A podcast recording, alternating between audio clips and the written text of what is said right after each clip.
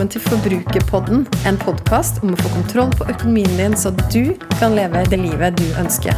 Jeg heter Kjersti Grønseth, er trebarnsmor og økonom, og er kanskje aller best kjent som forbrukerfrue. La oss snakke litt om forbruk, for alt starter med det.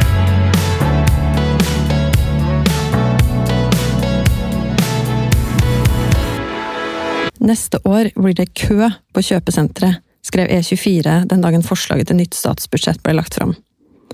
De refererer til rekordhøy sparing i år, og at regjeringa, Statistisk sentralbyrå og Norges Bank alle er enige om at det er klart for forbruksfest neste år. Regjeringa anslår at hver familie i gjennomsnitt vil bruke 50 000 kroner mer. I år ligger det altså an til at mye mer enn vanlig av familiens inntekt blir spart. Statistisk sentralbyrå anslår at spareprosenten blant familiene blir 15% og det er mer enn dobbelt så høyt i år som de tre-fire siste åra. Dermed har vi mer penger i banken enn vanlig, og selv om vi ikke kommer til å få så høy lønnsøkning neste år, vil ikke det legge noen demper på forbruket. Som departementet skriver det i budsjettet, at med rekordhøy sparing er det likevel rom for vekst i konsumet neste år. Og finansminister Jan Tore Sanner, han sa det sånn her.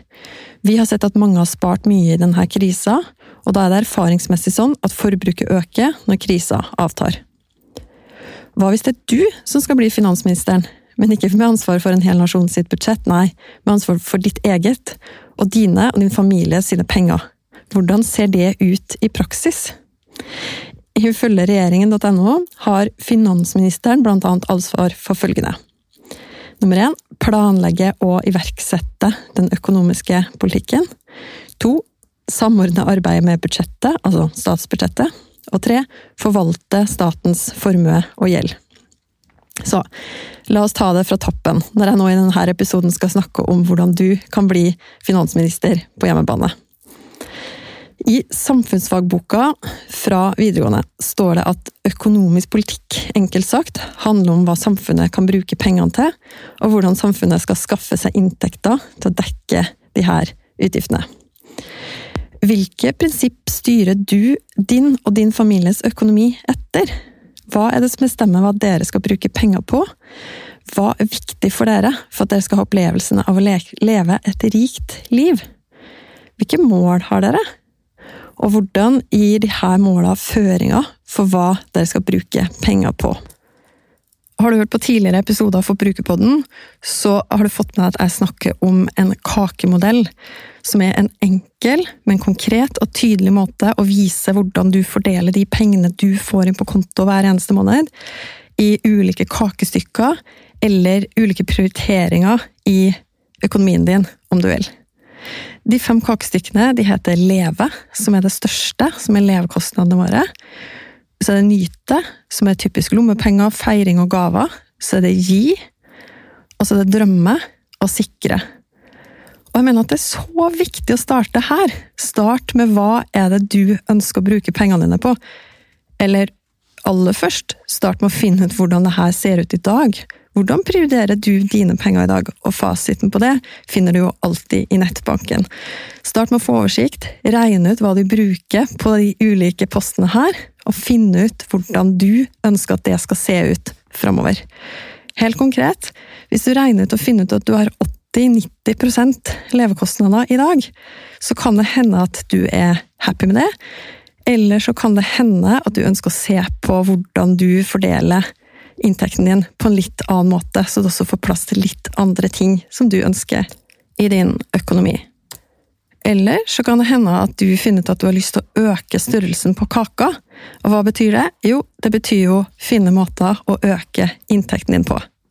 Hvordan bruker du dine talenter og ressurser til å skape verdi for andre, som igjen gir deg inntekt? Hvor mye ønsker du å tjene? Og hvor mye tid ønsker du egentlig å bytte mot penger? Har du mulighet til å øke inntekten din, hvis du ønsker det? Og Hvilke andre inntekter har du mulighet til å skaffe i tillegg til den vanlige jobben din? Hvis du følger med helt til slutten av denne episoden her, så skal jeg dele noen helt konkrete tips med deg. Jeg tror på en bærekraftig privatøkonomi. Jeg tror på en sunn økonomi hvor du har et bevisst forhold til dine egne prioriteringer. Forventa forbruksfest eller ikke. Det handler om å være en bevisst forbruker som har kunnskap, og som tar valg ut fra din egen livssituasjon. Det handler enkelt og greit om at du har råd til din egen livsstil.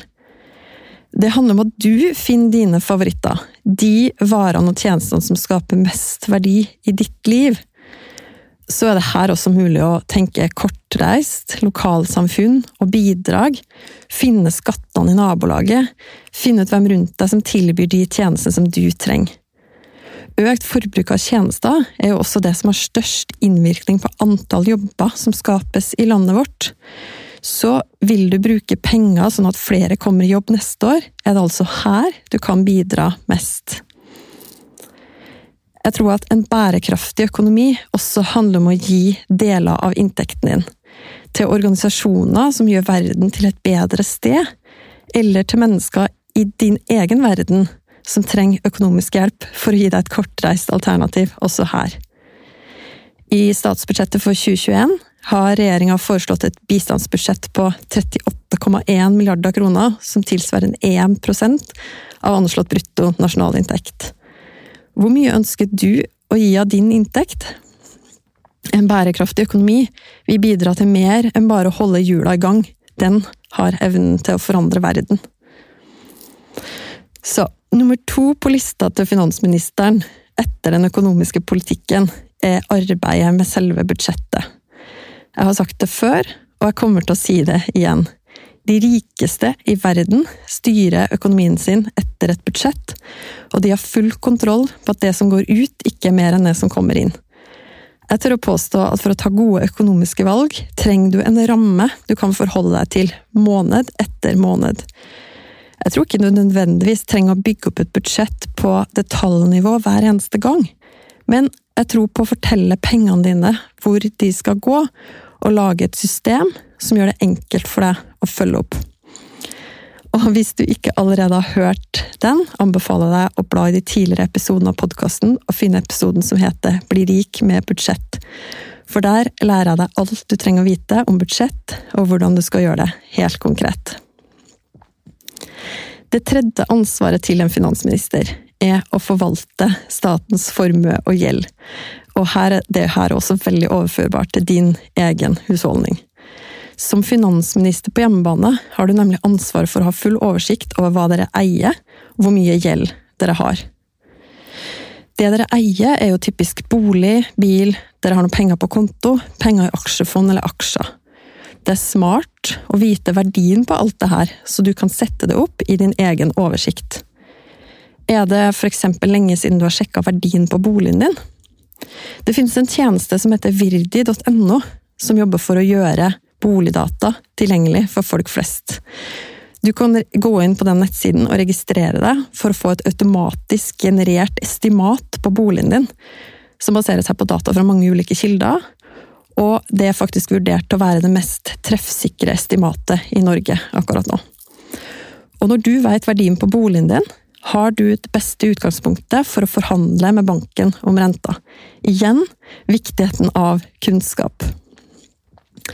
Så er det penger du har på bankkonto, og det er to grunner til å ha det, sånn jeg ser det. Den første grunnen er drømmesparingen din. De konkrete sparemåla som du og familien har satt dere, der dere putter inn penger hver måned for å komme ett steg nærmere drømmen. Det er så utrolig motiverende å spare til noe konkret, og ekstra gøy å gjøre det sammen som familie. Bruk gjerne en spareapp, eller lag en egen konto i nettbanken med navnet på den konkrete drømmen. Så blir det visuelt, at du kommer nærmere drømmen jo mer penger du putter inn. I en spareapp kan du også dele eh, en spareplan sammen med partneren din eller med vennene dine, sånn at dere sammen kan feire oss når dere kommer dere nærmere og nærmere og nærmere. Den andre grunnen til å ha penger på konto er selvfølgelig buffer. Jeg pleier å si at alle må ha en krisebuffer på minst 10 000 kroner, så du kan takle de aller fleste mindre kriser som oppstår. Og etter at krisebufferen er på plass og du har betalt ned dyr gjeld, så handler det om å spare opp det jeg kaller en superbuffer.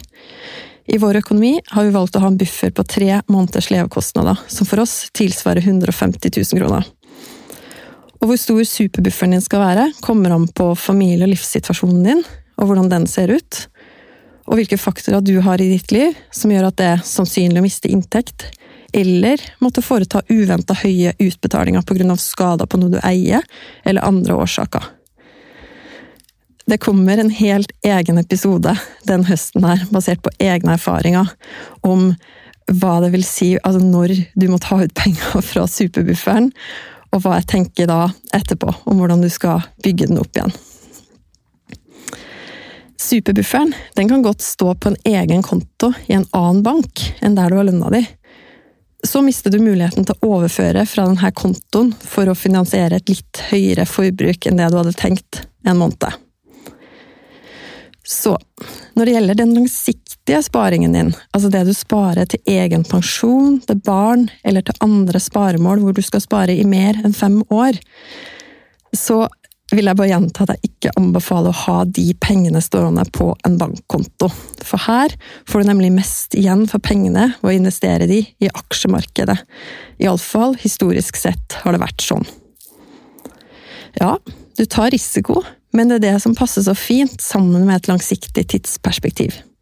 Aksjemarkedet det svinger opp og ned, faktisk fra dag til dag, men fordi du vet at du tenker lengre enn rett rundt neste sving, kan du faktisk sitte helt stille i båten, sjøl når det lyser rødt.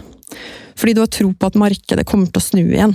Altså, Se bare på hva som skjedde i etterkant av de store nedturene i markedet i vår. Det kom en ny opptur. Og så går det ned igjen pga. ting som skjer i verden og usikkerheter, sånn som at den amerikanske presidenten får korona. Men så går det opp igjen. En fin måte å redusere risikoen på, er å investere i et aksjefond som består av flere selskaper som er satt sammen, sånn at du ikke skal satse alle pengene dine på ett sted. Og aller helst så gjør du det i en månedlig spareavtale.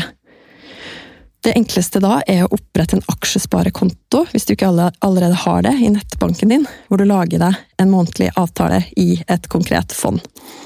Da må du lese deg litt opp på det fondet, men det tror jeg det kommer til å synes at det er verdt det, fordi at det er faktisk ganske gøy å sette seg inn i hva som kan gjøre at pengene våre vokser mest mulig på lang sikt. Sjekk gjerne ut aksjenorge.no for masse bra informasjon.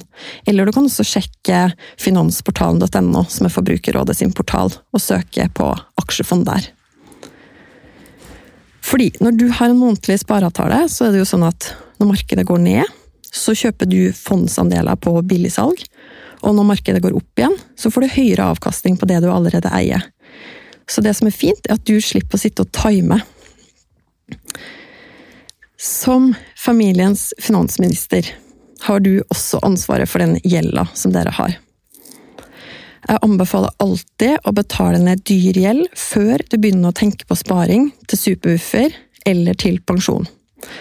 Og med dyr gjeld så mener jeg kredittkortgjeld, forbrukslån og billån. Det finnes muligheter til å refinansiere dyr gjeld inn i f.eks. boliglånet ditt for å få lavere rente, men jeg vil anbefale deg å fokusere mest på å lage deg en plan for når gjelda skal være nedbetalt, og at du gjør alt du kan for å få betalt ned så fort som mulig. Lån med høye renter påvirker jo din økonomiske situasjon hver eneste måned du har de her låna, så jo fortere du får betalt de ned, jo fortere får du frigjort penger som du kan bruke på helt andre ting enn å betale ned gjeld. Når det gjelder boliglånet ditt, er det noen fordeler med å betale ned det her til 60% av verdien på boligen. Det gir deg nemlig større fleksibilitet hvis du skulle trenge å søke om avdragsfrihet en periode, f.eks. I tillegg får du som regel bedre rentebetingelser jo lavere gjeldsgrad du har. Jo mer du betaler ned av boliglånet, jo nærmere kommer du å kunne kutte en av de aller største postene i det månedlige budsjettet ditt. Jeg mener likevel at det aller viktigste er at boligen er nedbetalt den dagen du ønsker å slutte å jobbe. For tenk hvor mye det har å si for din økonomi at den store posten er borte. Så det betyr jo da tilbake til hvilke mål har du og din familie i deres økonomi? Har dere et ønske om å kunne slutte jobben på et tidligere tidspunkt enn eh, kanskje de aller fleste, når de er rundt 67? Jo, da er det egentlig bare å begynne å regne seg tilbake når trenger du da ha betalt ned boliglånet for at i alle fall den utgiften skal være ute av bildet. Men apropos jobbe. Når vi nå straks går inn for landing av denne episoden, som var en kort og grei motivasjonsepisode til deg på hvordan du skal kunne bli finansminister på hjemmebane, så skal jeg komme tilbake til tipsene for å øke inntekten, som jeg lovte i starten av episoden. Det første tipset til å få økt inntekt, er jo ofte å få mer lønn der du allerede er. Nå nevnte jeg i starten av episoden at det ligger an til lite lønnsøkning neste år, så det er ikke sikkert at det her det er mest å hente det året som kommer. Men skal du begynne i ny jobb, for eksempel, sørg for all del for å få til en god forhandling. Forbered deg godt, vit hvilke alternativer du har, og tør å stå for den lønna du mener du er verdt. Og her er det litt sånn ekstra appell til oss kvinner fordi erfaringsmessig så er ikke vi like tøffe når vi går inn i en sånn forhandling. Så til deg som har en ny jobb på gang, gå inn med rak rygg og vit din verdi. Ok, hva med hvis du ønsker å tjene penger ved siden av den vanlige jobben din? Jo, da er det jo nesten bare din egen fantasi og kreativitet som setter grenser. Det finnes jo så mange plattformer i dag hvor det er mulig å f.eks. selge noe du har laga. Både fysiske produkter, f.eks. på etsy.com, hvor det siste jeg så nå var munnbind med halloween-motiv. Kanskje mest aktuelt i USA, vet ikke om det kunne slått an her også. Eller digitale produkt på f.eks. sels.com, som jeg sjøl har brukt, hvor du kan lage din egen lille digitale butikk for å selge f.eks. e-bøker andre konkrete forslag. Jeg har en kompis som tar fantastisk fine bilder, og han har drevet på i mange år nå, solgt de som stokkfoto. Og det tjener han etter hvert ganske mye penger på. Så hvis du også er god på å ta bilder, eller hvis du lager musikk eller et eller annet som du kan selge som type stokkfoto, eller jingler osv., så, videre, så kan det jo gi deg en ja, liten ekstrainntekt som ikke krever så veldig mye innsats, fordi du allerede har lagd det eller tatt bildene. Vi har en annen venn som eh, har tjent penger i flere år på å kjøpe og selge gitarer på finn.no, fordi han veit å spotte en god deal når han ser en. Det her har jo blitt et fenomen eh, kalt finnflipping. Folk som eh, finner noe som de gjerne ser gjerne en litt sånn dårlig annonse, eller noen som har hatt det litt travelt med å selge noe som da selger det til en veldig lav pris. Og så, hvis du da har litt kunnskap om eh, den konkrete tingen, så kan du kanskje sette den litt bedre stand, eller bare freshe opp annonsen litt, og faktisk tjene en god del på å legge det ut eh, på nytt. Og til slutt, leier du ut noe som du allerede eier, som du har ekstra mye av, eller som du bruker en sjelden gang? Det kan nemlig være flere ting enn du tror som er mulig å leie ut, og som folk ønsker å leie. Altså Det åpenbare er jo, hvis du har mulighet til det, leie ut deler av boligen din, det kan jo være mye penger å tjene på. Eller hele boligen, når du er på ferie sjøl. Eller hytta di, om du har det. En garasjeplass som står tom. En bod. Bilen din. En parkeringsplass du har. Elbillader. Takboks. En sykkel. Sykkelstativ. Verktøy. Kano kajakk, telt, ballkjole, bunad, lysestaker, lyslenke, vaser, kakefat, duker, bord og stoler, barnevogn, bæremeis, bedboks, reiseseng, boosterpack eller en prampack. Alt det her er eksempler på det folk allerede leier ut på Finn. Så hva har du å tape på å prøve deg på det samme? Legg ut en annonse i dag, så kan det hende du blir positivt overraska. Jeg mener at denne delingsøkonomien er et helt fantastisk konsept, hvor det nettopp baserer seg på det at du kanskje har ting som du ikke bruker, og som ikke gir deg verdi hele tida, men som noen andre kan få veldig mye verdi av å bruke, når du ikke trenger det sjøl. Så med det så håper jeg du har fått litt ekstra inspirasjon til å se etter nye inntektskilder, og at du er klar for å ta fatt på den viktige jobben som finansminister på hjemmebane. Jeg vil at du skal vite at de valgene du bestemmer deg for å ta i dag med dine penger, vil kunne ha positive ringvirkninger langt inn i framtida for de generasjonene som kommer etter deg. Så ta med deg det som en oppmuntring fra meg til deg inn i dagen i dag. Og neste gang du har tatt et godt økonomisk valg, hør gjerne for deg min stemme som sier at du er helt rå. Jeg vil gjerne vite hva du tenker etter å ha hørt episoden. Så koble med meg på Instagram. Der finner du meg som forbrukerfrue. Send meg en melding. Tagg meg gjerne i Story og del episoden her hvis du likte den. Eller send meg spørsmål. Og husk å abonnere på podkasten Forbrukerpodden, så får du beskjed hver gang det kommer en ny episode. Vi høres!